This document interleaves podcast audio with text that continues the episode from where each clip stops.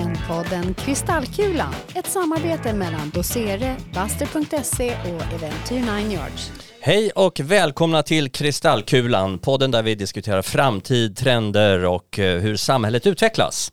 Med oss i studion har vi som vanligt Diana Uppman. Hej! Hejsan, hejsan. Och vi har Jörgen Ramnelöv. Hallå, hallå. Och vi har undertecknat Bobo Wekenstam och det vi har gemensamt är att vi jobbar på Dosere eh, som är ett företag som har jobbat med framtidsfrågor länge. Eh, och i den här podden delar vi med oss av en del av våra insikter. En hel del baserat faktiskt på Buster. Vad är det för någonting Jörgen? Eh, Buster är vår dagliga tjänst, trenddatabas, där man kan följa utvecklingen på trender och våra trendspaningar. Just det. Och en hel del av det material vi pratar om här kommer ju faktiskt från Buster och det våra spanare lägger in där. Eh, dagens tema är sociala medier och vart det är på väg och vi har tre teman. Vi har det första temat som vi kallar för döden döden eh, och sen har vi nästa tema som är från webb 2.0 eh, till webb 3 eh, och då med eh, koppling naturligtvis till sociala medier. Och dagens sista tema är sociala medier som demokratiplattform. Det är vad vi ska prata om idag. Spännande. Så vi börjar eh, med döden döden och vi kan konstatera att det här med eh, utveckling det för ju alltid med sig födelser av nya fenomen och död av gamla fenomen och så även inom sociala medier. Um, Internetstiftelsen kom ganska nyligen med sin rapport om användningen av sociala medier och jag blev själv lite förvånad över att det inte har förändrats särskilt mycket från förra året. Hur tänker du då? Eh, jag tänker att när det gäller användningen av sociala medier så sjunker det inte, för det är lite en känsla som jag har haft, att färre Jaha. är på Facebook och färre är aktiva på Instagram. Ni delar inte den känslan? Fast jag tänker att de yngre är ännu mer på TikTok och ännu mer på andra ja. sociala medier. Det är helt sant. Eh, TikTok ökar radikalt fortsatt. Eh, men Facebook, Instagram ligger ganska eh, starkt kvar på de positioner de har. Men man kan konstatera att de ökar inte heller, vilket i sig är intressant då. Och där kan man väl säga att det finns knappt någon ökning kvar väl? Det är väl typ 95 procent av Sveriges befolkning som är på sociala medier. jo, det är sant. Det, det, det, kan inte bli 110 procent. Nej. That's true. De tre största tjänsterna i Sverige är YouTube, Facebook och Instagram. Eh, det är de som används mest och internationellt är det intressant att titta på sociala medier. Om man då räknar YouTube som ett socialt media, vilket normalt sett görs, då är ju Facebook totalt dominerande.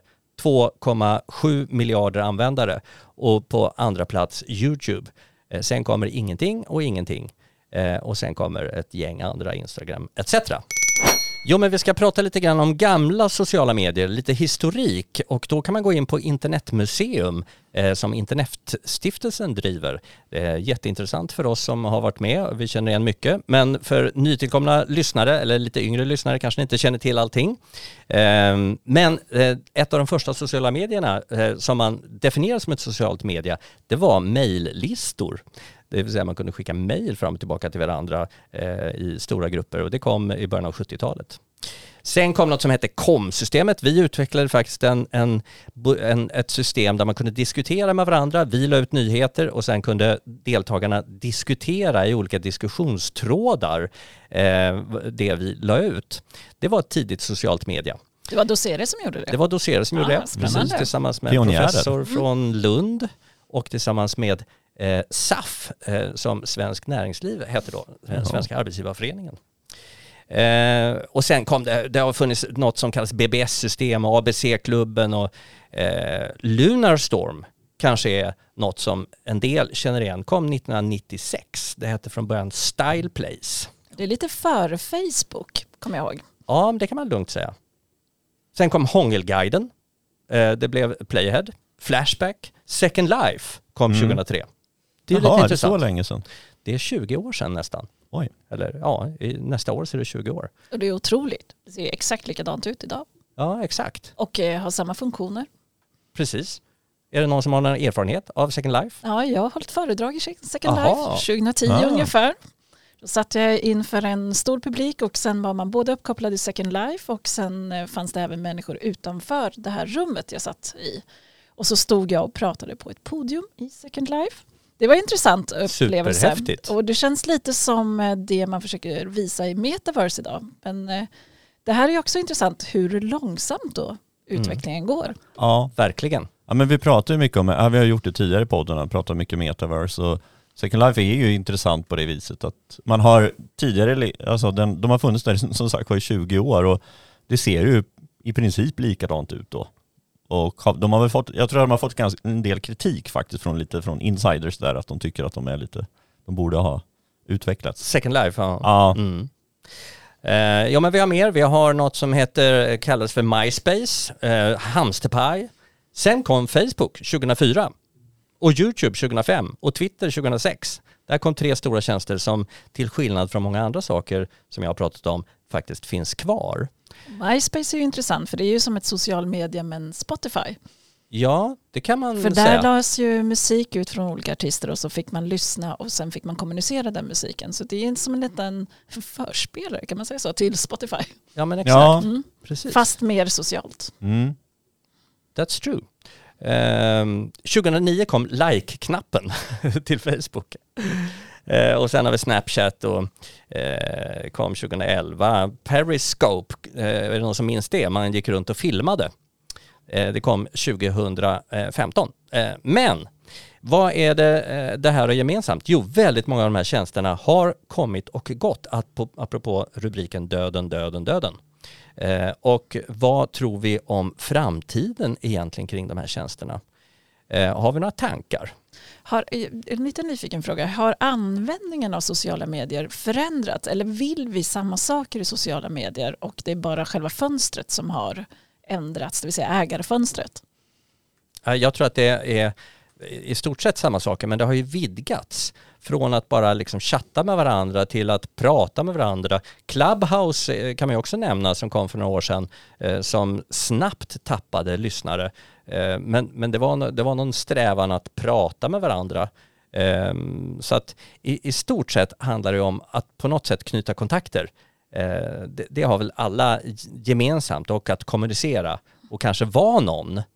Det är ju intressant att fråga sig, vad är egentligen drivkraften för sociala medier? Ja. Nej, men en annan aspekt är ju, alltså, de har ju gått lite hand i hand med den tekniska utvecklingen. Alltså vad, vad är möjligt rent tekniskt att göra liksom enkelt? Verkligen. Eh, för när vi började då, om man tar Facebook då bara som ett, ett case, så när de började, ja men då, då, då funkade det med våra vanliga telefoner att skriva text och det funkade skapligt att lägga upp bild, men då funkade inte video. Det var alldeles för dålig överföring när man var ute och, på stan och sådär. Men sen vart efter då, de här senaste tio åren, har ju den där, och det är väl det vi väntar på om vi pratar framtid. Vad är nästa? Jo men det kräver vissa typer av teknisk utveckling parallellt som kommer att göra det möjligt. Jag tänkte prata lite mer om det sen faktiskt. Ja, nej men det, du, du har helt rätt. Eh, som Periscope då, om någon nu minns det, man gick runt och direkt, direkt filmade eller direktsände. Eh, det kräver naturligtvis en hög uppkoppling. Eh, samma sak med Clubhouse där man sitter en massa människor och pratar med varandra. Det kräver också en viss uppkoppling. Så vad kommer tekniken öppna upp för framöver? Det kanske gör helt enkelt att vi kommer in på ämne två från webb 2 till webb 3 eh, när det gäller sociala medier.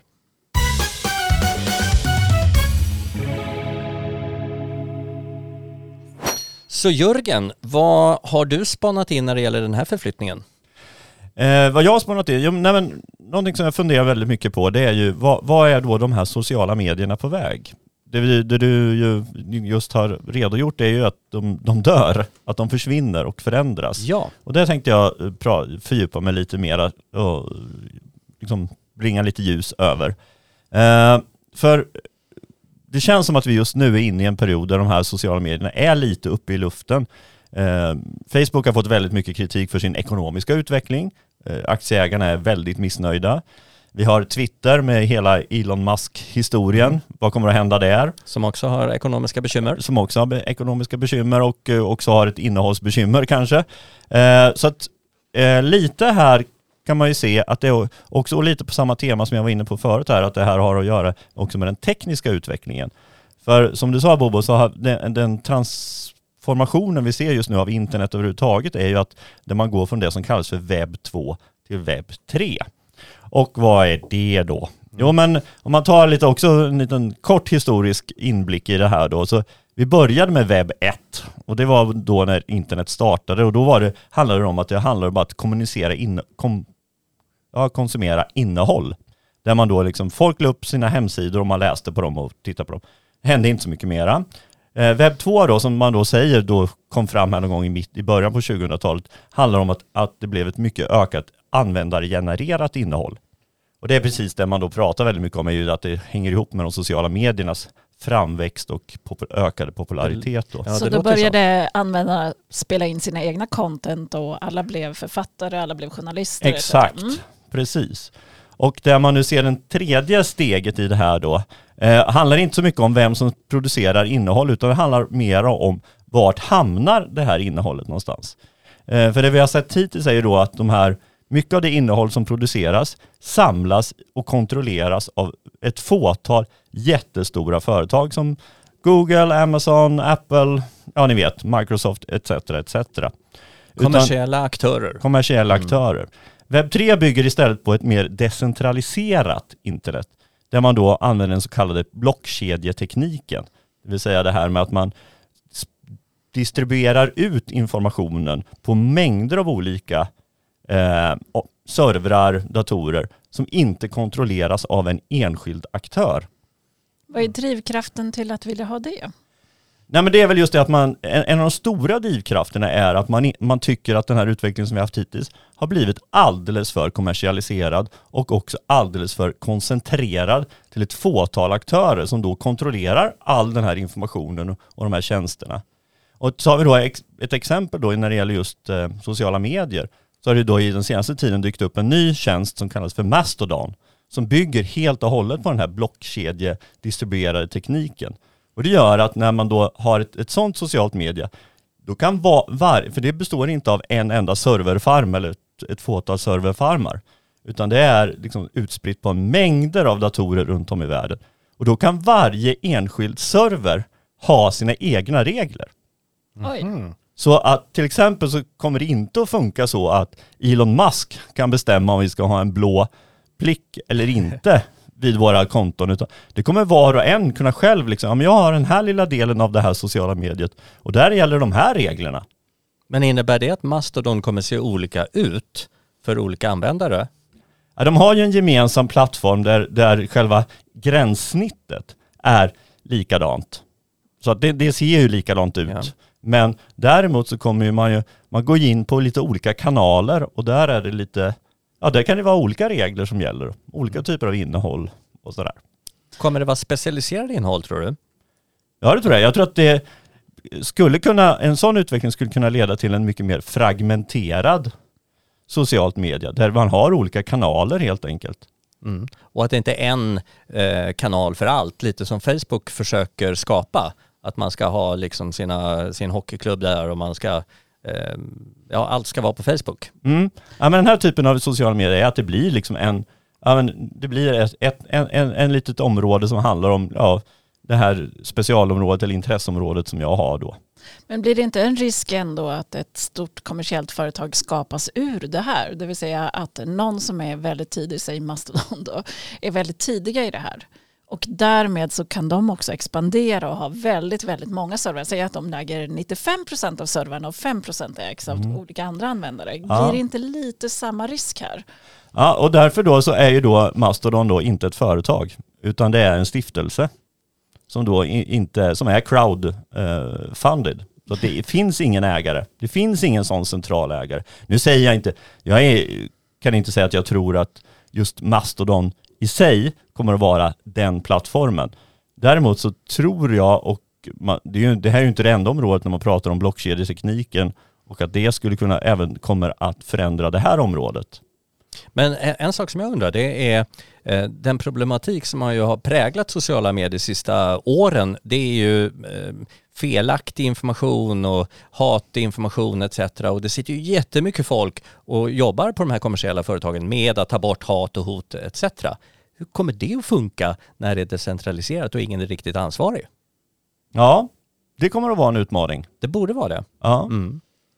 Om vi vill Och ha vad ett kan vi sätta lagar och regler också i den här världen? Ja, nej, jag, tror att, jag, tror, jag tror att idén är då att det inte ska finnas så mycket lagar och regler. Är Utan att det ska lite, vara lite anarkistiskt. är det inte det lite Elon Musk vill göra med Twitter? Jo, Ta bort regler och göra det ännu mer öppet. Mm. Vad händer med demokratin? Ja, ja, det kommer vi kanske tillbaka till. ja.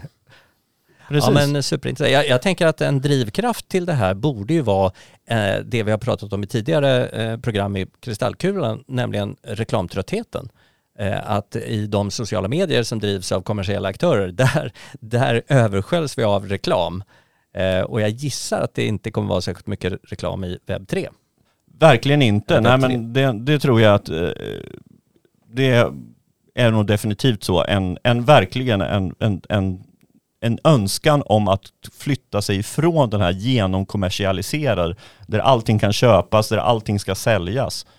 Utan att kanske lite mer tillbaka till de här diskussionsgrupperna som du pratade om på 80-talet, liksom, där det ju inte handlade om kommersialism överhuvudtaget, utan att det var, liksom, det var samtalet, det var innehållet som var det viktiga. Verkligen, det fanns ingen kommersiell eh, baktanke i det där Tror från du, början. Tror du, nu har vi pratat lite döden döden här, men tror du att webb 3.0 kommer ersätta webb 2.0 eller tror du att webb 2.0 kommer att bli webb 4.0 och vara någonting annat parallellt? Eh, Jag tror att det är en evolution. Jag tror att det är en förändring. Eh, Den, den sker eh, uppenbart ur ett tekniskt perspektiv, att man använder en annan teknisk lösning. Eh, Men också att den är sprungen ur och driven av liksom en, en önskan om en annan, liksom, vad ska jag säga, en mera Ja, jag, nej, men jag tror att man lite trötthet kring kommersialismen och det du är inne på Bobo. Annonsering och Mm. allt ska säljas. Sen är det väl inte så att webb 2.0 försvinner. Om Nej. vi tar webb 1.0, det finns ju fortfarande kvar. Man åker runt och tittar på hemsidor. Eh, Så att eh, webb 2 ersatte ju inte webb 1 utan kompletterade. Och på samma sätt är det med webb 3. Det kommer inte ta bort webb 2 utan det är en, ett nytt steg i utvecklingen. Så Exakt. både webb 1, 2 och 3 kommer finnas samtidigt. Och sen kommer fyra. Vad är det då? Nej, men jag, jag har också en annan aspekt på det här med liksom framtidens eh, sociala medier. Jag tror att det man har börjat prata om mycket är ju det här med att aktivera flera sinnen. Det är, väldigt text och bild och ljud liksom baserat just nu, men eh, vi ser ju att den tekniska utvecklingen möjliggör att skicka känslor, att uppleva saker och ting på liksom mer, nästan fysiskt, eh, även i den digitala världen. Vi pratar, vi pratar sinnenas internet. Sinnenas internet, Mm. exakt. Mm. Där Hur, man lång, då hur långt bort är vi där tror du tidsmässigt? Oj, ja men det är väl som med mycket teknik skulle jag vilja säga. Alltså rent tekniskt så finns ju de här grejerna i, i, i laboratorier, i, i, i, i researchföretagen. Men eh, sen ska de ju kommersialiseras och de ska skalas upp och sådär. Nej men det är klart att vi är kanske tio år Mm. framåt i tiden. Spännande. Ja men det där kanske ehm, speglar eh, lite framtiden för internet nu då. Eh, och då undrar ju jag... eh, Och sociala medier framförallt. För, för sociala medier, eh, exakt. Och då undrar jag, hur, vilken roll kommer sociala medier ha, eller har, när det gäller demokrati och demokratiutveckling?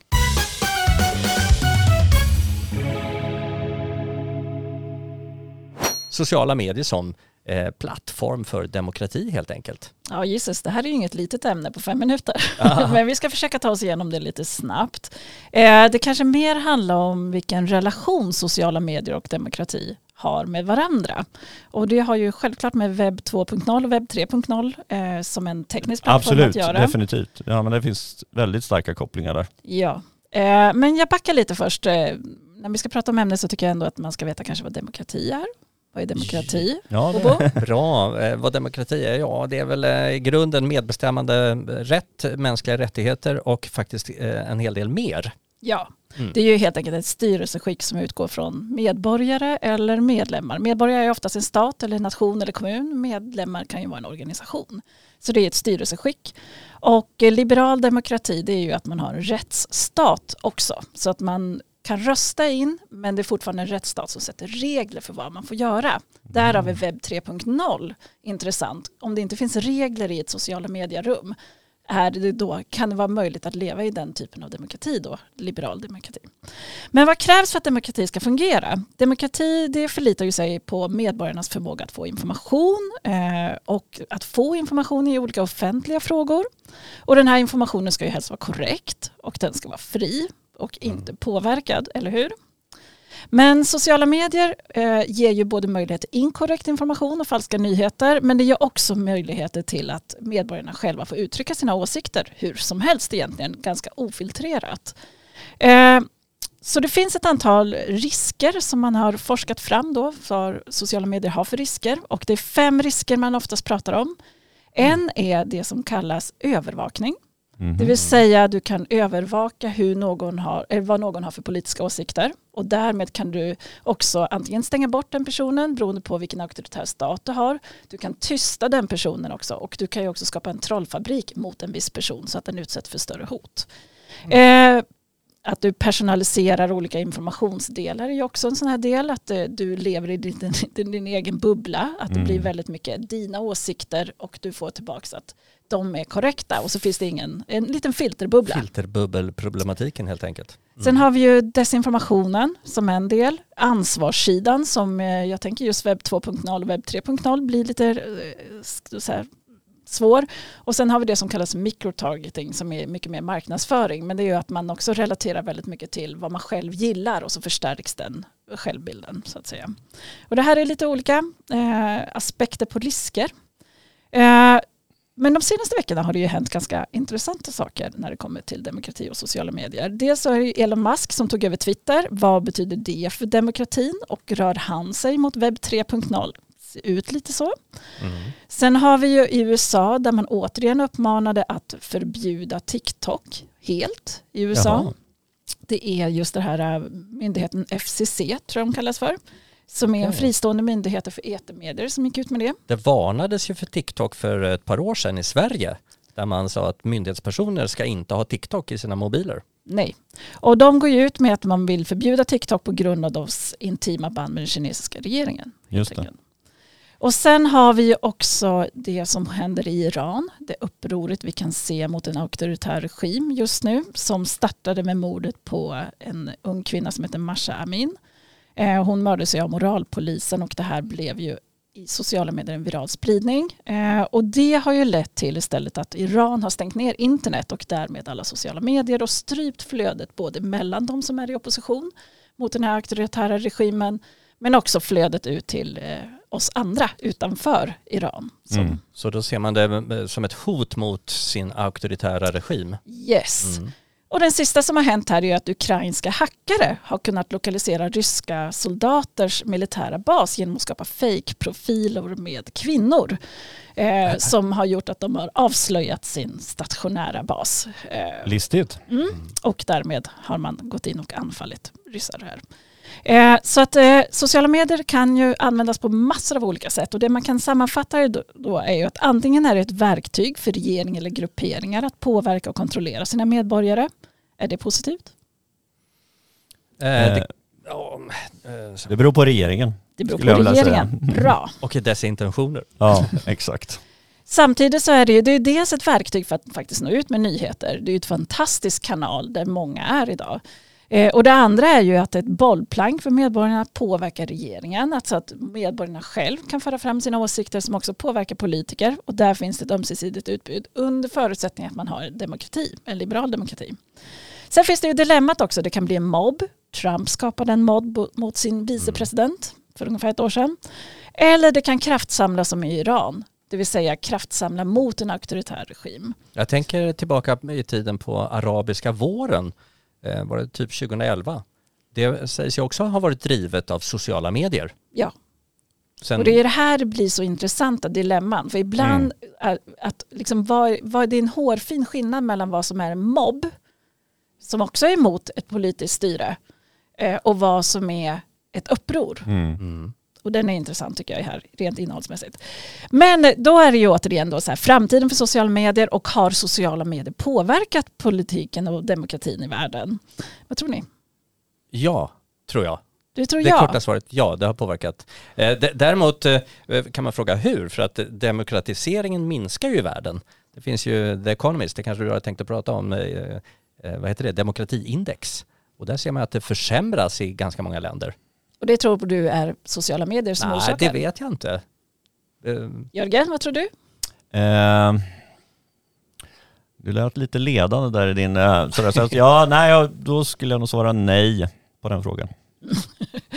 Det är bra. Ni är precis där forskarvärlden är. det går helt enkelt inte att enas om sociala medier är en kausal orsak till minskad demokrati i världen. Eller framförallt minskad liberal demokrati som finns i världen.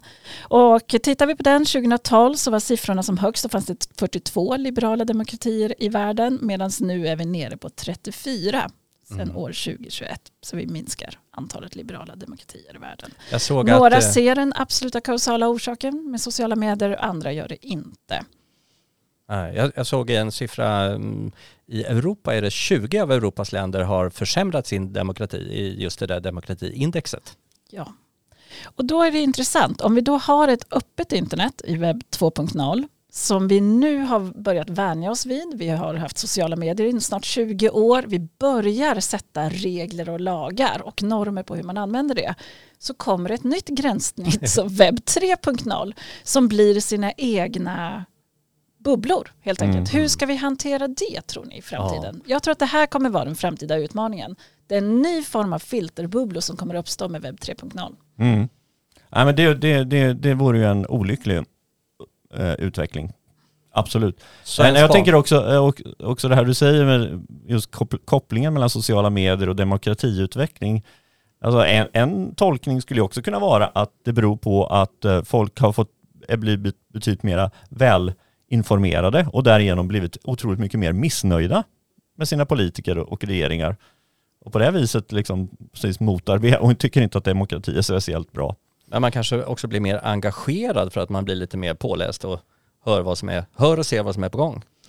Och är man mer påläst, jag frågar då, eller Ja. blir man i en filterbubbla? För jag kan ju Oj. känna ibland när jag eh, tittar på politikers vardag, så politikers vardag handlar ju verkligen om att jämka mellan så många viljor som möjligt. Eh, och ta det bästa beslutet utifrån så många viljor som möjligt. Hade inte du en aspekt på det eh, för ett tag sedan Jörgen, det här med tik- alltså ungdomars eh, huvudsakliga nyhetskanal Eh, TikTok ja. är TikTok. Ja, ja, det var en amerikansk undersökning som släpptes här för någon månad sedan. Ja, Så det är där Eh, man tar till sig Ja, nyheter. ja, men då, det var överlägset. Det var Mm. till och med liksom lite samma som tema som förut. Där liksom det, fanns, det kom TikTok, sen kom ingenting och så kom ingenting. Nej. Därmed lagar och regler igen då från USA sett. Ja.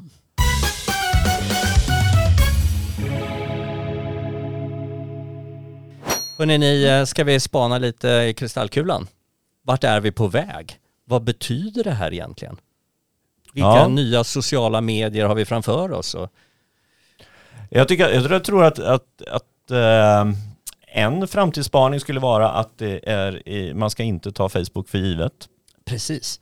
Facebook kommer nog försvinna precis som alla andra sociala medier någon gång, även om de idag är så oerhört dominerande som man undrar hur det ska gå till. Ja, Jag tror att det kommer bli mer diskussion om etik och moral i sociala medier. Säkert, och det här webb 3.0 eh, och det du pratar om, det är klart att det måste bli en jättediskussion. Det kommer vi få se framöver. Eh, Ja. Mycket debatt och diskussion kring regler. Eh, och det hade vi också faktiskt ett avsnitt tidigare där vi pratade regler. Och här låter det som vi går mot någon typ av anarki, Jörgen. det skulle kunna bli så. Ja. Det skulle kunna bli så. Det är ju, det är väldigt intressant, eller oroväckande snarare. Men jag tänker också eh, framtidens sociala medier, vi kan väl inte släppa det där med metaverse, eh, som ju också är ett stort steg eh, i internetutvecklingen. Eh, och också eh, kommer naturligtvis vara, ett, ett, en del av det kommer ju vara ett socialt media, även om det kommer finnas andra saker också. Vad tror vi om metaverse-utvecklingen, eh, om vi kallar det för det? det är ju, metaverse är ju lite Facebooks namn, men Nej men det är väl klart att, världar. det är klart att, jag menar, för det är ju lite här, alltså varför finns sociala medier överhuvudtaget? Jo men det, fin- det är ju för att vi har den här önskan om att umgås, att, att liksom interagera med massa människor. Och det är ju, för mig är det självklart att, att, att, att, att, att, gå in, att ta det nästa steg in i någon form av virtuell verklighet där vi liksom inte bara ser en, en webbsida utan där vi faktiskt kan interagera och kommunicera med våra vänner. Det, för mig låter det självklart att det är någon form av framtida steg för, för sociala medier. Mm. Vi skapar en ny virtuell social värld. Precis. Med eller utan regler. Med eller utan regler. Ja, Har vi något mer? Jag tänker på demokratin. Eh, Finns det något mer att tänka? Alltså, det här är ju sociala mediers påverkan på demokrati, men det är lite oroväckande kanske om världen är på väg mot en mer odemokratisk situation. Jag skulle ändå säga att sociala medier också bidrar till demokratin. Ja. Eh, Och just Exakt. det här att man kraftsamlar och kan ställa sig upp mot auktoritära regimer. Det finns en möjlighet att göra det. Nu stängdes det i och för sig ner internet i Iran. Men det finns fortfarande en kraftsamlingsmöjlighet och det finns en kraftsamlingsmöjlighet utanför den nedstängda världen också som Iran är nu. Mm. och jag tycker det är att det, det är ju ett, ett fantastiskt, eller är ju ett bevis på kraften. För att om det inte fanns någon kraft i sociala medier, då hade de inte stängt ner det. Utan de stänger ju ner det bara för att det finns den här möjligheten att organisera, kommunicera, eh, etablera liksom motståndsrörelser. Det är sant, det är ett bevis för att det faktiskt är kraft i sociala medier när det gäller demokrati. Ja, Jag har funderat på det där med direktdemokrati en hel del. Va- Varför kan man inte i varje fråga liksom rösta för eh, frågor? Det är klart att det är en budget och så som ska hållas, men det kan man tänka sig att vi går så småningom mot en mer direktdemokrati. Till enfrågepolitik. Ja. Ja, det gjorde ju, faktiskt. eh, på tal sociala medier, det var ju exakt det eh, Twitter gjorde, eller Elon Musk gjorde när han skulle släppa in Donald Trump i, i, på plattformen eller inte. Han körde ju en direktdemokrati. Användarna fick rösta. ja, Trump vann med 53-47. ja, just det. That's true. Hörni, eh, stort tack för idag. Jag tycker vi eh, har sytt ihop påsen. Är det någon som vill till- tillägga något? Ja, jag vill tillägga att sociala medier är bra för demokratin vi inte avslutar med Trump.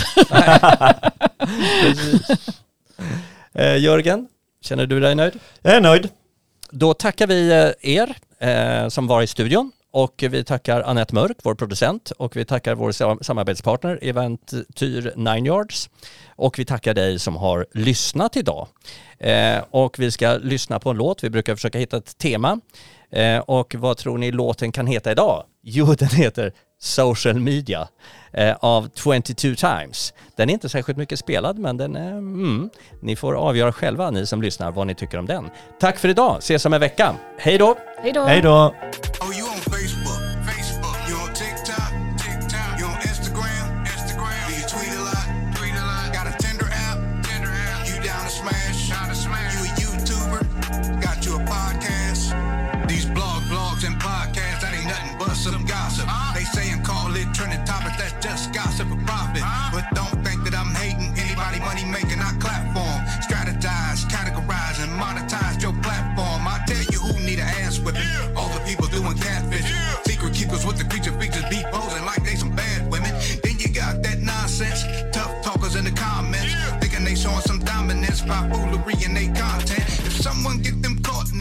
Locate your IP address, what you saying on the internet, say it with your chest. I be R-O-T-F-L-M-B-A-O.